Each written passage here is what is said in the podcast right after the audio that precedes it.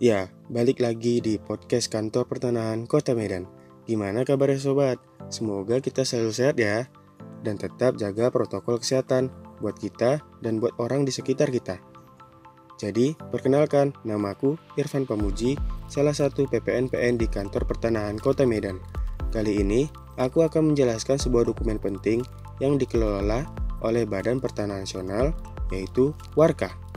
Apa sih Warka itu? Warka berasal dari kalimat Belanda warmer yang artinya tanda. Pengertian ini merujuk pada pengertian surat yang telah ditandai atau bukti bahwa telah diperiksa oleh pejabat yang berwenang. Karena hukum yang dianut oleh Indonesia merupakan hukum peninggalan Belanda, maka istilah ini masih dipakai oleh notaris dan PPAT yang dikenal dengan disebut Warmerking.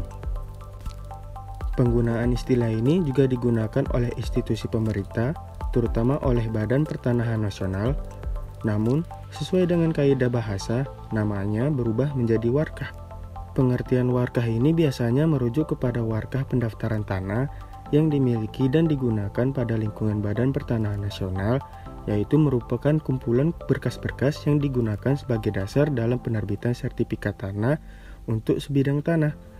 Menurut Peraturan Menteri Agraria, Kepala Badan Pertanahan Nasional Nomor 3 Tahun 1997 tentang ketentuan pelaksanaan peraturan pemerintah Nomor 24 Tahun 1997 tentang pendaftaran tanah yang dimaksud dengan warka adalah dokumen yang merupakan alat pembuktian data fisik dan data yuridis bidang tanah yang telah dipergunakan sebagai dasar pendaftaran bidang tanah tersebut.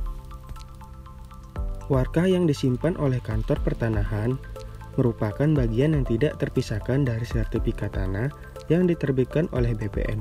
Di dalam warka tersebut berisi berbagai surat, berkas yang dipersyaratkan, terutama sekali adalah riwayat beserta bukti penguasaan atau kepemilikan tanah yang dapat dijadikan dalam membuat sertifikat asli atau berupa fotokopi salinan yang terdiri dari pertama, fotokopi identitas pemohon, yang kedua, bukti perolehan tanah seperti surat penguasaan tanah dari pejabat yang berwenang, surat keterangan ahli waris, akta PPAT, dan lain-lain. Ketiga, berkas-berkas pendukung lainnya yang berasal dari formulir yang dipersyaratkan, seperti permohonan, pernyataan, berita acara, dan lain-lain.